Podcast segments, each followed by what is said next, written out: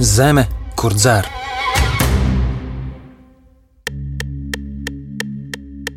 Alkohola patēriņš uz vienu iedzīvotāju Latvijā sasniedzis augstāko atzīmi OECD valstu vidū, bet ekonomikas ministrija turpina aizstāvēt nozares lobiju.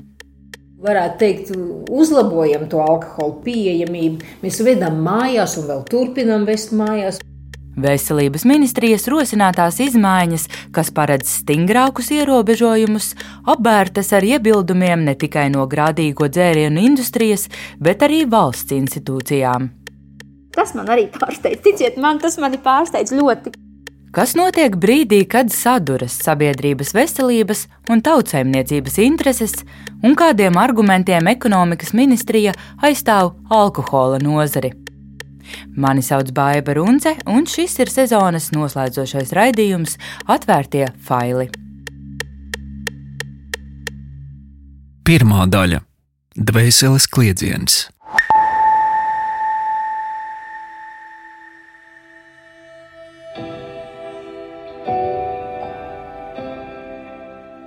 Sveika, mamma! Kādu laiku nesam sarunājušās tā atklāti un no sirds. Un es pat vairs neatceros, kad es un arī tu tā būtu spējušas.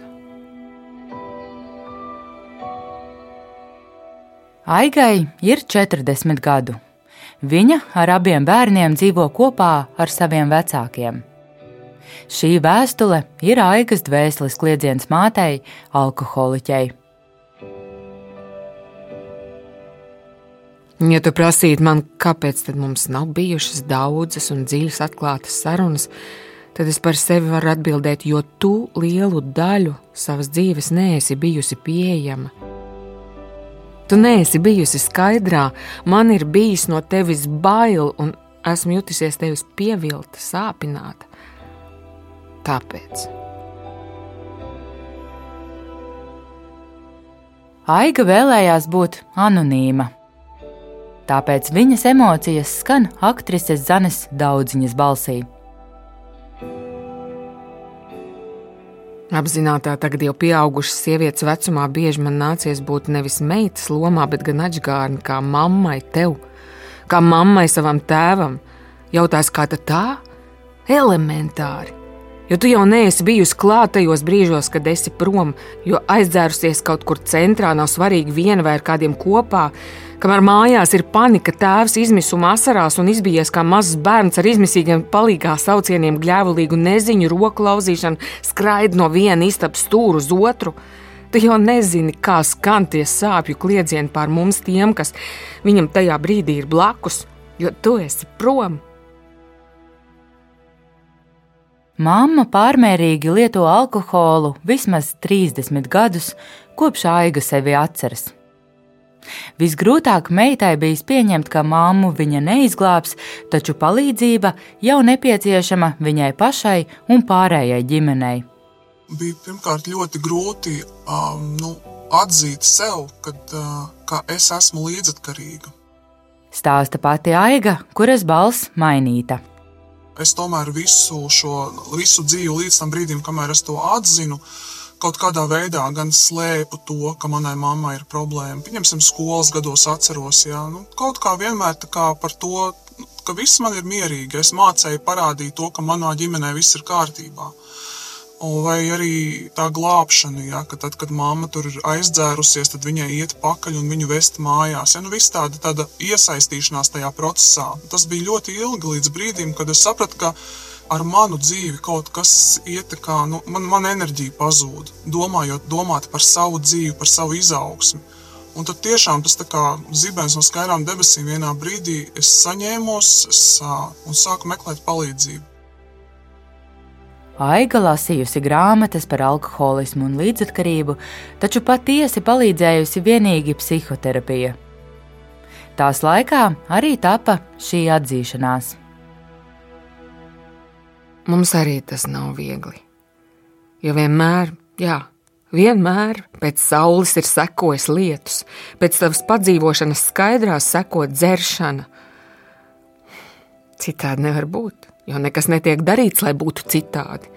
ar lielākiem vai mazākiem dienu vai nedēļu pārtraukumiem, bet mūsu normālais stāvoklis šajā ģimenē ir mamma atkal dzer, un tad kādu laiku nedzer, un tad atkal dzer, un tad drusku nedzer, un atkal dzer, un nedzer, un tad atkal. Paldies, ja izlasīji. Man nebija viegli pateikt atklāti tev to, kā es jūtos. Lūdzu, pieņem man dvēseles kliedzienu ja spēj. Vēstule mammu no alkohola atkarības neizārstēja, taču tā palīdzēja mainīt aigas attieksmi. Viņa saprata, ka mammas izvēli nevar ietekmēt un pārstāja tajā vainot sevi. Es mammai fiziski to vēstuli iedevu, un tas bija veids, kā es viņai varēju pateikt, kā es jūtos kā es jūtos pa visiem šiem gadiem, par visām viņas dzeršanām, par to, nu, kas notiek ar mani. Aigas māma joprojām nav atzinusi, ka viņai ir problēmas ar alkoholu. Tu dzer vai nedzer, runā vai klusē, raudi vai kliedz, smejies vai dusmojies, bet mūžīgi mūžos es, tava meita, Aiga.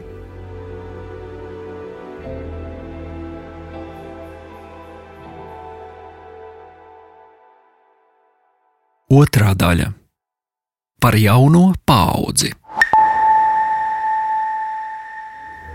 Labdien, Baiba no Latvijas Rādio zvana. Es esmu pie uzņemšanas nodaļas. Jā, tad es gaidu. Pirmdienas pusdienas laikā pie Rīgas psihiatrijas un narkoloģijas centra uzņemšanas nodaļas stāvu kopā ar vēl vismaz pieciem cilvēkiem. Daļa no viņiem visticamāk pavada vai sagaida tuviniekus. Vai, stājās iekšā kāds un gaida kādu? Narkoloģiskās palīdzības dienesta vadītāja Astrīda Stirna ar nožēlu atzīst, ka pacientu skaits nodaļās turpina pieaugt.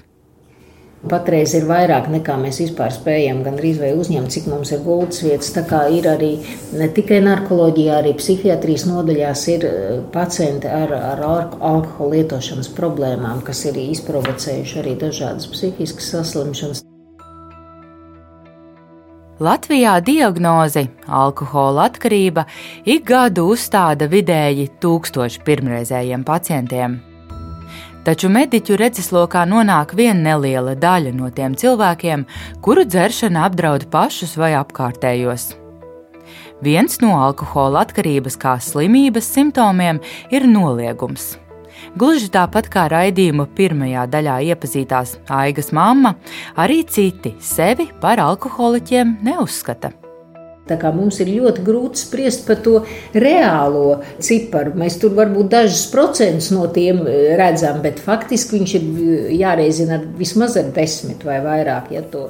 Turklāt no alkohola posta cieš ne tikai lietotājs. Kā viens atkarīgais faktiski ir ievilcis savā, nu, varētu teikt, tajā līdzatkarībā vai cieši no, no šī alkohola lietošanas vismaz 3-4 cilvēki. Es domāju, ka, mums ir jāsaprot arī, ka tā nav tikai tikai tāda medicīniska problēma, tā ir arī sociāla problēma, kur cieši līdz cilvēki, un, un tā ir arī tāda psiholoģiska problēma. Mūsu sarunas laikā pieredzējusī narkoloģija un psihiatre Astrīda Stirna vairākas reizes uzsver, cik būtiska loma alkoholisma mazināšanā ir profilakses pasākumiem. Tai vecai paudzei mēs jau neko neizdarīsim. Tie ir lietotāji, un ja viņi ir tie lietotāji, arī daudz neko savā dzīvē neizmainīs, ja viņam nebūs tāds akūts stāvoklis. Bet mums jādomā par jauno paudzi, kā, kā ierobežot, lai nenonāktu līdz tam. Kā to izdarīt? Cena, pieejamība un reklāma ir trīs stūrakmeņi, ko savās rekomendācijās ietver arī Pasaules veselības organizācija. Šie trīs vaļi, uz ko balstās alkohola ļaunuma mazināšanas un kontrolas politika, viņi joprojām eksistē. Lai ko arī teiktu, protams, oponenti, ka trūks pierādījumu, kaut kas nav ne tā. Tieša ir Rīgas Stradiņa Universitātes Sabiedrības veselības institūta vadošā pētniece Inese Gobiņa.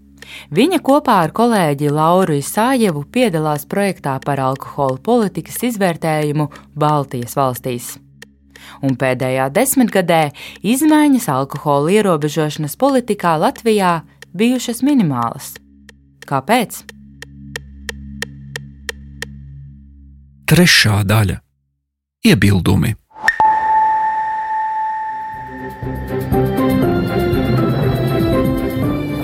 Bet, lai samazinātu iedzīvotāju alkohola patēriņu, veselības ministrija rosina aizliegt alkohola tirzniecību pēc pulksten astoņiem vakarā. Pērnvasar veselības ministrija publiskajā apspriedē nodeva divus likumprojektus, kas paredzēja ierobežojumus attiecībā uz alkoholisko dzērienu tirdzniecību un reklāmu. Ātri vien ministrijas ierosinājumi tika abērti ar lērumu iebildumiem no vairākām asociācijām, biedrībām, uzņēmējiem un arī valsts institūcijām, tostarp divām ministrijām. Turpina Sanita Lazdiņa, veselības veicināšanas un atkarību profilakses nodaļas eksperte. Process ir nu, teikt, ļoti ievilcies tīri dēļ tā vien, ka eh, mēs visu laiku saņemam kaut kādu pretestību. Visvairāk iebildumu izpelnījās plānotais aizliegums tirgot alkoholu no 8 vakarā līdz 10 rītā, tādējādi pārdošanas laiku saīsinot par 4 stundām.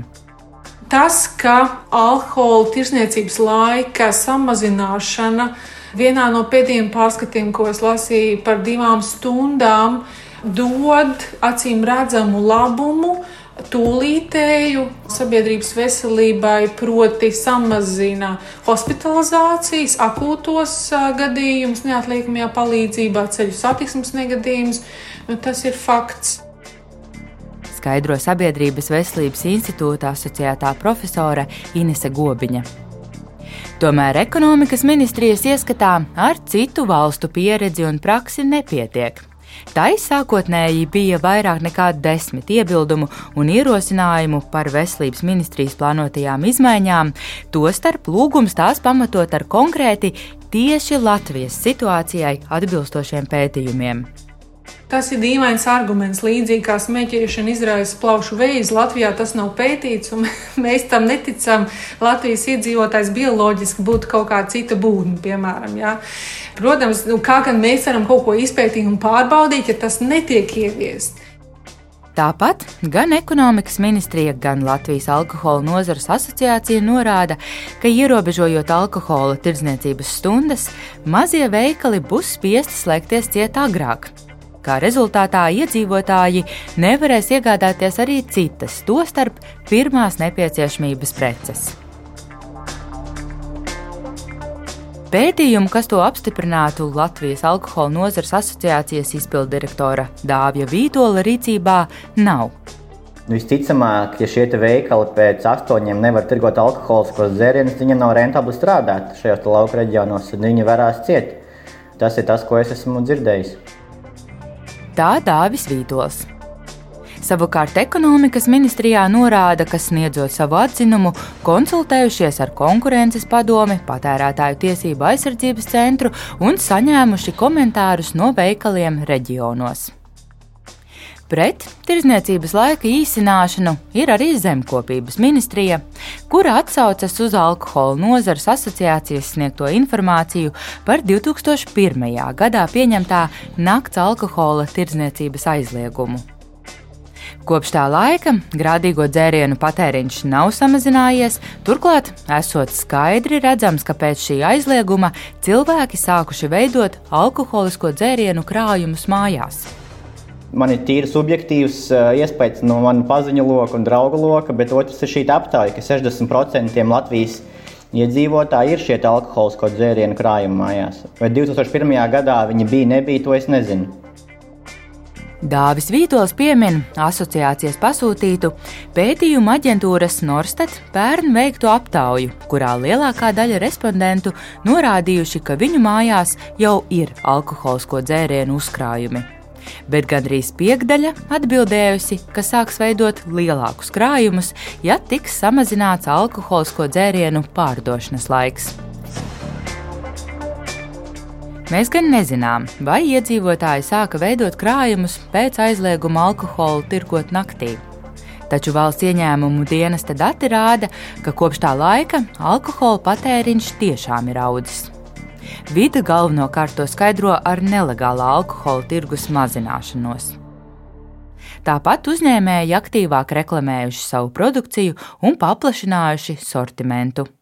Tas, ko mēs vērojām iepriekšējā reizē, kad tika ieviests naktas tirdzniecības aizliegums, vairāk tika konstatēti pārkāpumi par nelikumīgām tirdzniecības darījumiem. Tas ir legālu alkoholu, legālas tirdzniecības vietas realizēja naktī, kad tas bija aizliegts, līdz ar to pieauga administratīvo pārkāpumu protokolu skaits, bija taksometra tirdzniecībā, Tā skaidro vidu nodokļu pārvaldes direktora vietniece Baiva Šmite Roķe. Tā kā lielāks risks ir par nelegālām, nelikumīgām darbībām ar legāliem dzērieniem nekā ar nelegālā tirgus palielināšanos.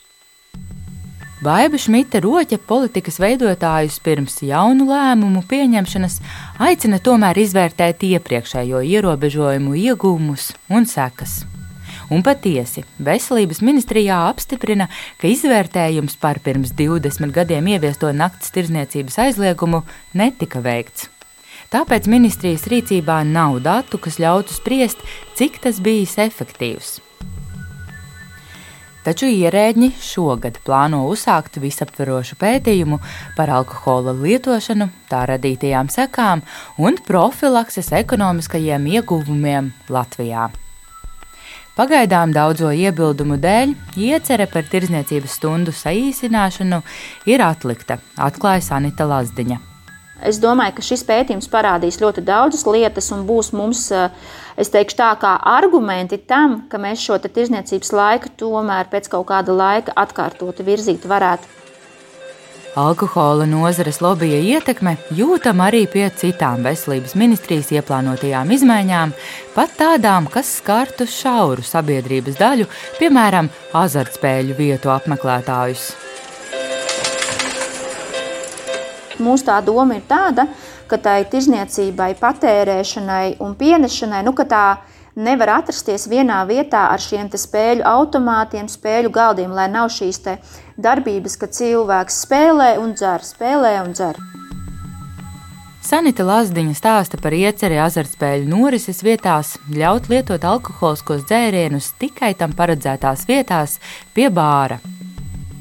Arī šeit iebilst ekonomikas ministrija, norādot, ka tādā veidā var rasties situācija, ka apmeklētāji, lai varētu ātrāk atgriezties pie spēļu iekārtas, alkoholiskos dzērienus patērēs daudz ātrāk, kas izraisīs pat lielāku reibuma stāvokli.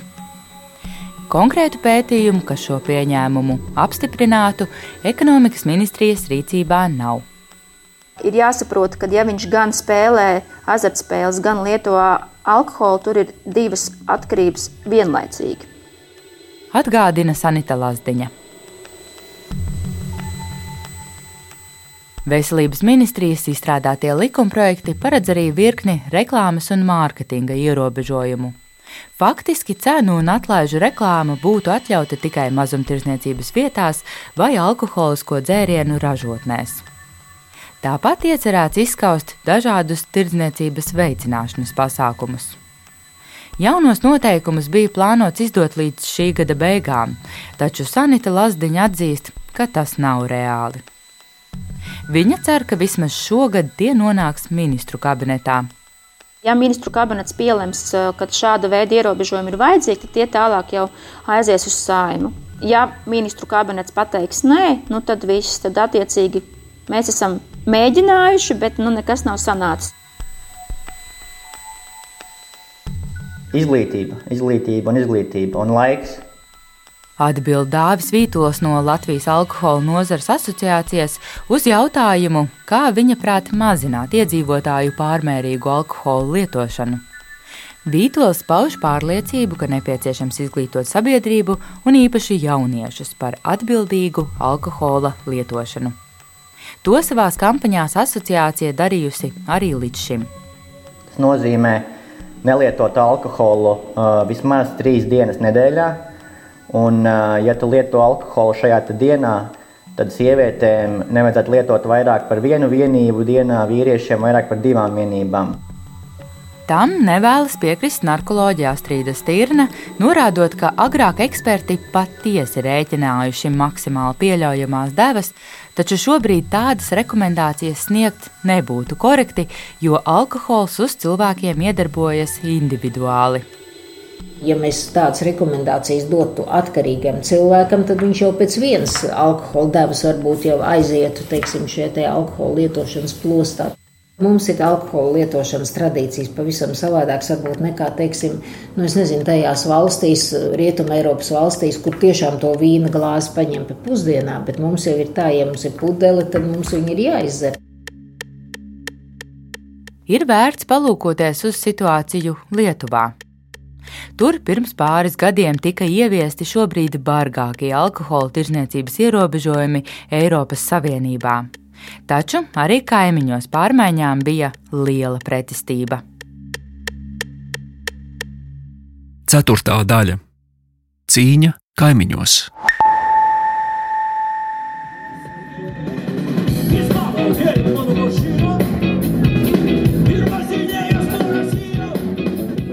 Vīns sastāv no 13% alkohola un 87% kultūras. Rakstīts uz viena no daudzajiem plakātiem, kādus varēja manīt rokoncertā pirms pieciem gadiem Viļņas centrā. Lietuvieši tolaik protestēja pret veselības ministrijas rosinātajiem alkohola tirdzniecības ierobežojumiem.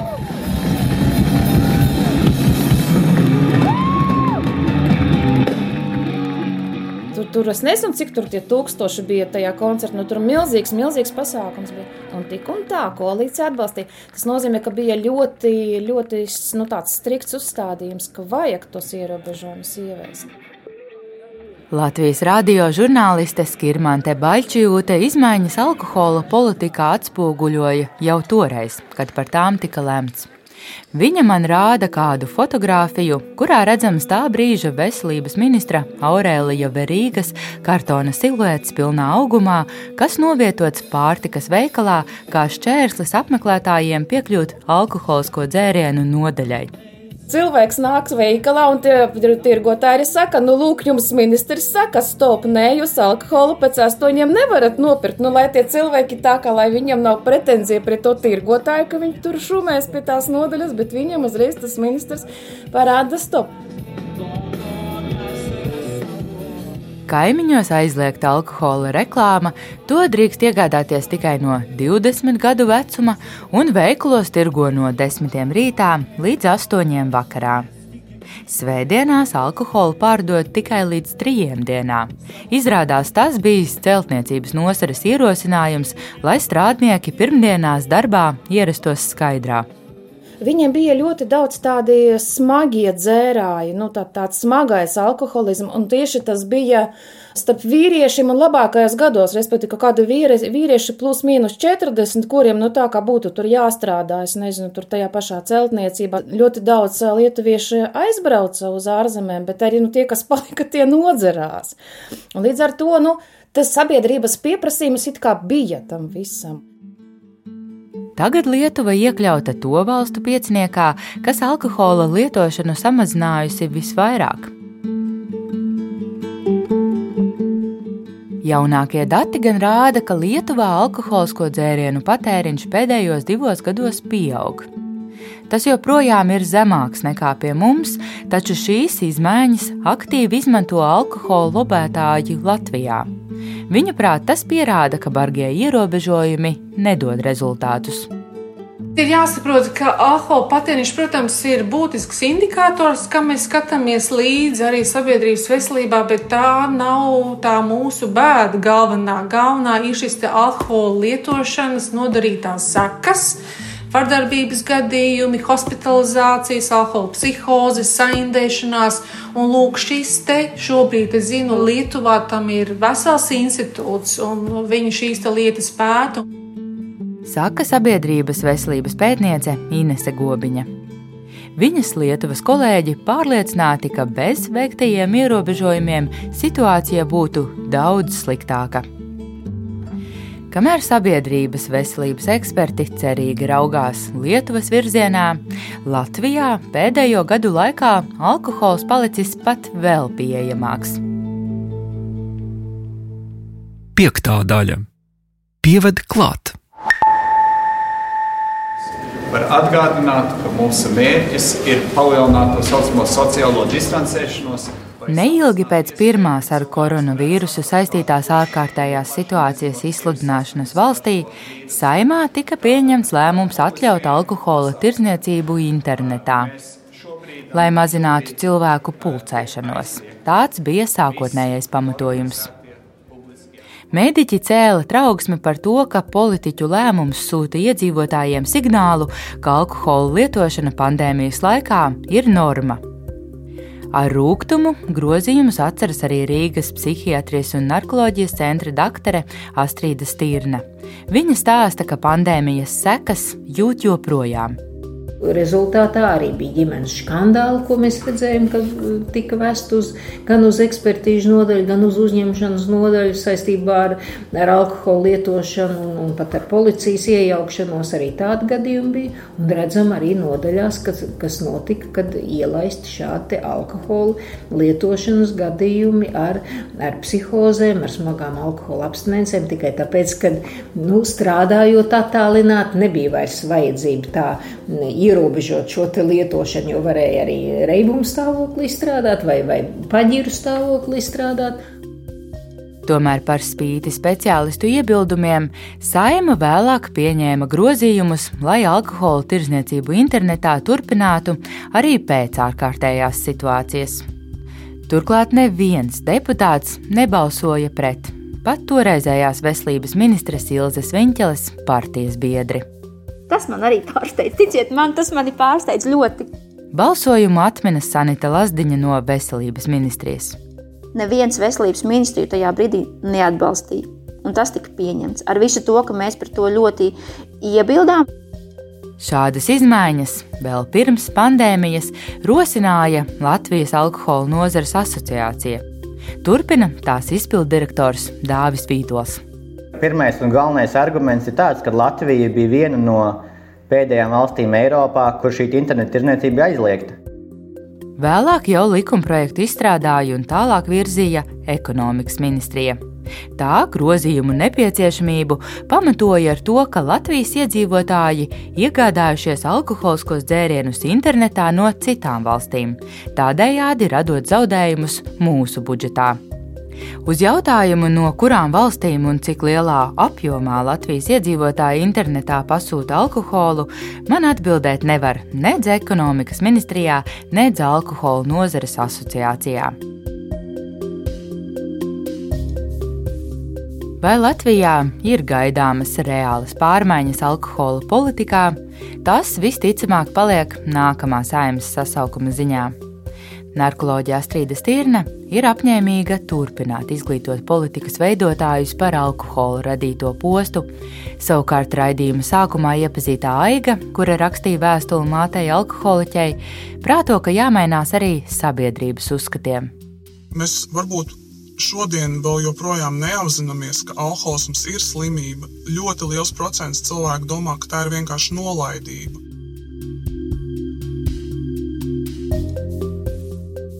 Raidījumu veidoja Baiva Runce, Filips Lastovskis un Reinis Budze. Atvērtie faili!